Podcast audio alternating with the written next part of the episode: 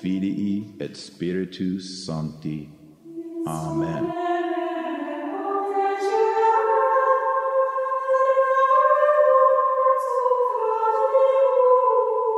Dit is die drie geloftes waarop die lewe van susters reg oor die wêreld gebou is.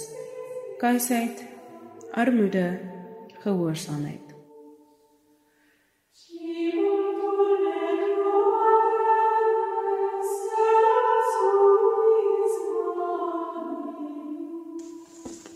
Hierdie program word opgedra aan die lewe van Rosera Ruth Klaaste, by geboorte vernoem na die rosekrans, simbool van geloof, en Rut, die ouma grootjie van koning Dawid.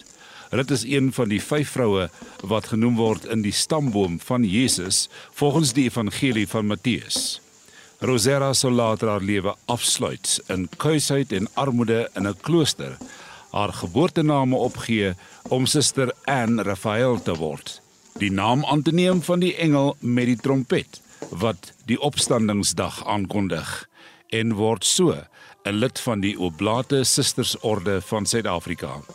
Sy sterf 3 dae na haar 63ste verjaardag in 2011. Om die lewe en geheimenisse van susters te verstaan, het ek kom kers opsteek by 'n paar susters by hul nederige woning hier in Johannesburg. Ons glo in een God, die Vader, die Almagtige, Skepper van hemel. Waar hulle besig was met gebed hier agter die deur. Ek wag so 'n oombliekie.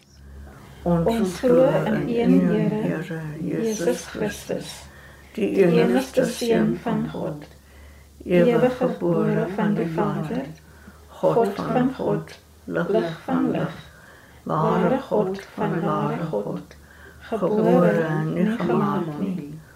Een in wat met die Vader is. Deur hom is alle dinge gemaak. Goeiemôre susters. U lyk nie soos die nonne waaraan ons oor die jare gewoond geraak het nie met 'n hoofbedekking en sluier en uniforme kleding. Dinge het baie verander sedert die eerste susters hier in Suid-Afrika aan wal gekom het. En daar is sekerlik baie verskillende tipes ordes in u roeping, maar wat u doen daagliks bly dieselfde. Kom ons gee so 'n bietjie agtergrond oor u lewe. Maar eers, met wie gesels ons vandag? Ek is Sister Katie van Wyk, a Dominican sister of St. Catherine of Siena of King Williamstown. My naam is Suster Khomotso Moloto van die Missionary Sisters of the Assumption. Ek is Sister Barbara Standing, ook van die Missionary Sisters van die Assumption. Suster Barbara Standing. Die hele geloofstruktuur van Suid-Afrika het op 'n stadium begin. Susters het iewers aan boord gekom om die kerk se ontwikkeling te help vestig. Vertel ons 'n bietjie die geskiedenis van die susterdom van Suid-Afrika. Die geskiedenis het begin eintlik op uh, 3 Desember 1849. Toe sewe jong vroue opgedaag het, het uh, op 'n skip gekom, die Oceanie eintlik. Ek dink mense moet baie nuuskierig gewees het. Uh, hier was die sewe jong vroue en lang purperrokke met 'n snaakse goed op hulle koppe En uh, hulle is nou die eerste susters in Suid-Afrika. Hulle het uit 'n uh, klooster in Parys gekom. Maar eintlik uh, was hulle nie almal van Frankryk nie. Drie van hulle was eers, een was Engels, een was eintlik van die Wes-Indiese eiland van Guadeloupe. En net een is eintlik Frans. Die leier was Sister Gertrude. Sy was in België gebore maar van 8 jaar oud in Engeland groot geword. Nou ja, en die zusters het in Port Elizabeth aangekomen. En toen Port Elizabeth uh, een paar dagen gebleven, misschien een week. Toen moesten ze Gramstad toe gaan met een ossewa. Een paar ossewaans eigenlijk. Die is daar, als een mens reist met een motor, is dat misschien een half uur. Dat heeft vijf dagen geduurd en nachten. En verder was die nachten bekijswekkend. Die jakkalsen, het gehuil, dat was altijd slangen. Ja, er moest vuur gemaakt om een kopje te maken enzovoort. Dat was slecht niet daaraan gewoon, nee. En toen in Gramstad gekomen was er nog niet een klooster, nee. En moest met een gezin blijven. Dat moest een groot huis geweest zijn, eindelijk. Daar was die gezin, daar was die zusters, daar was ook andere mensen. Die katholieke kerk was uh, niet te ver van dat huis niet. En aber die eerste ding wat ze gedaan heeft, was om die mensen van die kerk te helpen om te voorbereiden voor die grootfeest van kerstfeest. Dat was de eerste kerstfeest in Zuid-Afrika. In januari 1840 konden we verschuiven naar het eigen huis. Waarschijnlijk een plaatshuis. En van die dagen terug Ramstad. Dat was uh, een beestenkraal aan de ene kant, een paardenstal aan de andere kant. Die paardenstal heeft ze omgeschept in klaskamers. En dat het begon met twee scholen. Die eerste school, en dat was die een waarin die meeste kinderen gekomen zijn, dat was, uh, dat hoeft niet voor je te betalen. Nie. En dat was een daar uh, omgeskepte stallen. Die andere was een voorbetalende school, want die zusters moet lief. Dat was kleiner. Dan moest hulle eigen huis gebruiken voor die school. Die een was St. Catherine en die andere was St. Joseph's. Maar er is niet net onderwijs gegeven. In Gramstad was er net één dokter. En glad geen hospitaal niet. Zo in die ochtend voor die school begon het, twee van die zusters gehelpen met mensen wat ziek was of wonden gehad heeft of reeds uh, met zijn samen met de loopjes gebracht. En ook in die namiddag na die school is er die mensen huizen gegaan om ziekers te helpen. Dat was baie belangrijk. Susters van alle ordes het sedert die begin 'n integrale deel in gemeenskapslewe gevorm op mediese front, opvoeding, die staat geassisteer en soms anders gehelp in bevrydingsbewegings, weeskinders onder dak en beskerming geplaas, van klere, kos en medisyne voorsien tot vandag toe reg oor die wêreld. Was dit al destyds so, selfs in die vroeë jare? Aan die einde van daai jaar 1850 was uh, die begin van die 8ste grensoorlog. En as gevolg daarvan was baie kinders weesgelaat. Uh sommige van daai kinders het met die susters kom woon. Ek weet nie hoe hulle daarin kon kom nie. Die huis was klein, maar in elk geval hulle was daar. Meestal meisies, maar sommige van hulle was eintlik seuns. Uh, en sommige van hulle het met die susters gebly uh vir die volgende 8 jaar. Toe hulle aan 'n familie is of miskien was hulle oud genoeg ja. om uit te gaan om te werk. En dit was moeilik. Dit was baie moeilik. Maar daai vyf susters het vir die skole gesorg, vir die siekes en heel wat ander dinge gedoen stadig aan het het uh, aan meer jong vrouw aangesluit, maar uh, die groep was, was uh, nooit baie groot nie. Was glad nie sisters agter klooster meer nie. Eindelijk was dat vir heel wat jare glad geen heining nie. En hulle vriendskap was vir almal. Uh, die leier, Sister Gertrude, sy, sy is baie vriende gemaakt. Een van hulle vriende was Cecil Rhodes. Maar die ander was die Schreiner familie. Schreiner was meer uh, liberaal. Rhodes wou die hele van Afrika onder Britannië brengen. Uh, niet Schreiner nie. Schreiner heeft meer respect voor die mensen gehad. En later, in 1899, toen die zusters de school opgemaakt hebben in Bedford, dat was die begin van die Anglo-Boerenoorlog. Nou, in Bedford was daar mensen wat met die Britten sympathiek was en ander wat uh, voor die boeren was. Voor die zusters was hulle allemaal vrienden.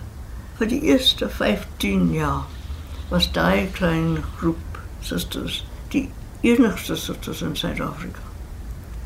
toe het ander begin kom van Ierland, van Duitsland, Frankryk en het begin in 'n ander plek in ehm um, Suid-Afrika, Kaapstad, Durban, King Williamstown, Port Elizabeth, uh, ook uh, Kemus, tamelijk vroeg, 1894 eindelijk.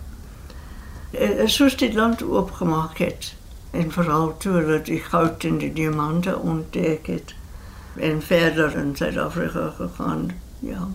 Daar word altyd gesê susters het 'n baie sad lewe van pleisienaarskap. Daar alleen een kant, niemand weet ooit van hulle nie. Is dit waar? Interessant. Ja, soms begin mense en sê ag, sis tog of ag shame die arme susters. Maar dit is nie werklik so nie. Ons is nie vasgehok nie. Ons is nie ongelukkig nie. Ons is ja, oor die algemeen baie gelukkige mense. so Paulus se briewe is baie interessant en mens kom elke keer die woord wees bly wees blymoedig in sy briewe. Maar die een brief aan die Filippense herhaal Paulus en sê wees bly hy homself moeilike tye ervaar het en daarom kon hy ander aanmoedig om dieselfde te doen. So jy kan bly wees al gaan dit moeilik. So ons as volgelinge van Christus is gelukkige mense. Die rolprent Sister Act het die publiek blootgestel aan wat agter die geslote deure van 'n klooster plaasvind in 'n sekere opsig. Is dit waar? Baie van ons eie Dominikaanse susters in die vorige groot gemeenskappe het soortgelyke ervarings gehad.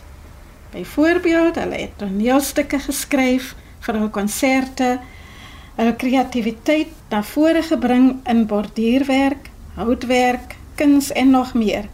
Gedurende hierdie tye van saamwees, kreatiwiteit, was die susters gelukkig met hul werk en met mekaar. Dit mag ook dalk vreemd klink, van soms kom susters voor as ernstig en kwaai. In hul daaglikse omgang met mense kom susters in kontak met mense wat so hard deur die lewe geknou is. Vroue en kinders wat molesteer word, armoede en werkloosheid, die effek van COVID, geliefdes wat sterf en nie behoorlik gerou en geween word nie. Ek kom dikwels by straathoeke te staan en daar is die bedelaars, sommige blind, nou en dan vroue en met jong kinders en die gewone jong verslaafdes wat net ietsie soek vir die volgende skuif. Dit is moeilik om dit te sien en so hulpeloos te voel dat ek nie genoeg het om uit te gee aan almal nie, maar ek kan glimlag selfs agter die masker. Ek is tevrede met die lewe, met my lewe, my roeping en alles wat ek tot dusver kon doen as gevolg van hierdie roeping. Ek onthou 'n insident by 'n skool waar ek twee keer per week berading gedoen het. 'n Jong 10-jarige dogter het in my kantoor opgedaag vir 'n sessie oogopslag kon ek sien sy is die duiwel in met alles en almal. Sy vra my toe pront uit en beskuldigend. Hoekom is jy altyd so gelukkig? Haar opregtheid het my vir 'n oomblik onken betrap.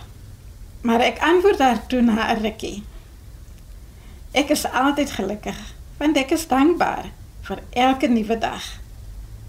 Die feit dat ek haar kan sien en hoor en alles om my. Alles gaan nie altyd goed nie, maar ek is gelukkig want dit is 'n keuse wat ek maak. Ek kon sien dit laat haar dink. Met die daaropvolgende sessies kon sy uiteindelik begin glimlag. En wat 'n mooi glimlag het sy gehad. Haar hele gesig het gestraal dit het my meer gelukkig gemaak om dit te sien veral na soveel terugslag wat sy reeds as 'n jong onskuldige kind moes ervaar Daar's die Engelse koortjie. I've got joy, peace and happiness in my soul. I've got joy, peace and happiness in my soul. Vreugde en blydskap is altyd daar vir elke nuwe dag, vir gesondheid, vir alle gawes en veral vir God se genade. Suster Gebod, so. As kind het ek die geloftes van my eie susters sien aflê. Wat is die geloftes? Hoekom moet susters geloftes aflê? Wat is die geloftes en hoe leef 'n mens die geloftes uit? Vertel ons 'n bietjie van Die geloftes, soos u dit noem, ons noem dit die evangeliese raad. Die is net drie maniere waarop alle Christene meer soos Jesus Christus kan word. Ehm um, vir godsdienstige susters, ons maak geloftes om 'n lewe van kuisheid, armoede en gehoorsaamheid te leef. En die geloftes is algemeen vir alle godsdienstige gemeentes. Die gelofte van kuisheid, uh die is 'n gelofte van liefde. Jesus het nie getrou nie en daarom volg ons ook hierdie voorbeeld. Die gelofte maak ons vry om lief te hê. As godsdienstige susters trou ons nie of raak ons betrokke by romantiese verhoudings nie. Dit het ook 'n praktiese kant. Omdat ons nie 'n gesin het nie en direkte afhanklik is, kan ons makliker toegewys word aan die missie waar ons die nodigste is. Ek ek wil eintlik sê in my ervaring, uh die is een gelofte wat baie mense my uitvra. Um hulle vra want in Genesis het God gesê wees vrugbaar en vermeerder. Maar vir ons, ons kyk ook aan die evangelie van Matteus as ons in Matteus lees, sê Jesus in hoofstuk 19 daar is persone wat onbekwaam is om te trou wat van die moederskoot af so gebore is en daar is persone wat deur mense onbekwaam gemaak is en daar is persone wat hulself onbekwaam gemaak is ter wille van die koninkryk van die hemel ons volg daai leerstellings van Jesus en vir godsdienstige susters neem ons dus hierdie gelofte wat ons bevry om meer mense lief te hê in ons lewens toe te wy om God se volk lief te hê en te dien. Ons het ook 'n gelofte van armoede. Wanneer ons na die voorbeeld van Christus se lewe kyk, het hy uit 'n arme familie gekom. Dink net aan die omstandighede van sy geboorte. Hy is gebore in 'n een eenvoudige stal met geen lukse nie wanneer hy in die tempel aangebied is as baba, die offer wat sy ouers gebring het, was die aanbevole offer vir mense wat arm was. Jesus het nie veel besit nie en ons weet dat hy afhanklik was van die welwillendheid van ander en veral sy vroue disippels wat sy bediening ondersteun het. As geheiligde susters neem ons 'n gelofte van armoede. Dis nie armoede in die gewone begrip van die woord nie. Die gelofte soos ons dit leef, is een van deel en wederwysige volhoubaarheid. Hierdie gelofte gaan daaroor om te deel wat ons het en eenvoudig te lewe sodat ander eenvoudig kan lewe. Die dinge wat ons besit, besit ons in gemeen. Die gelofte help ons om nie aan aardse besittings vas te klou nie, maar eerder op God se voorsienigheid te vertrou. Ons neem ook 'n gelofte van gehoorsaamheid. Hierdie gelofte gaan daaroor om oop te wees vir God se wil in ons lewens. Die gemeenteleierskap luister en onderskei God se wil en sien hoe die beste ons kan saamwerk om die missie te dien. Die gelofte gaan daaroor om saam te luister en saam te werk. Ons weet dat Jesus gehoorsaam was aan God die Vader se wil en daarom plaas ons onsself ook in God se hande en sê U wil geskied in ons lewens. Hierdie gelofte kan uitdagend wees omdat ons soms geroep word om op moeilike plekke te werk. Ek onthou in my eerste jare in die klooster, ek was gestuur aan 'n kinderreis om my bediening te doen. Dit was 'n plek vir babas en kleuters wat nie deur hul ouers versorg kon word vir verskillende redes. Byvoorbeeld, uh, hulle was verlaat of verwaarloos om in 'n kinderhuis te werk sou nie my eerste keus gewees nie. Dit sou my nie my eerste keus ehm um, ooit nie. Maar ek het gehoorsaam en vertrou dat God 'n plan het. Ek kyk terug met dankbaarheid. Die tyd wat ek saam met daardie kinders gewerk het, was 'n geestelike verrykende ondervinding. Ek het God gesien in die gesigte van daardie babas wat sulke moeilike stories gehad het. En so gaan die gelofte van gehoorsaamheid daaroor om saam te probeer luister om te hoor waar God ons vandag roep.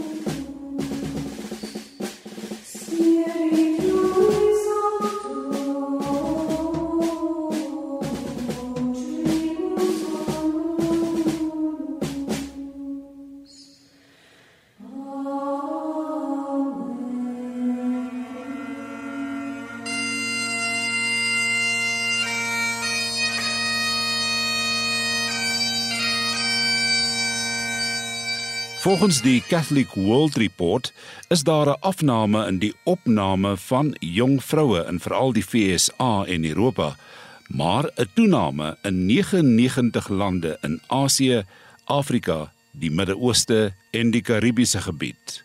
Volgens die sekretaris-generaal van die leierskapskonferensie van Gewyde Lewens Suid-Afrika, Suster Tao P, is daar tans 1463 vroue, dis nonne en susters in Suid-Afrika, Eswatini en Botswana en hulle behoort aan 68 ordes in die susterdom met elke orde tussen 2 en 10 kloosters.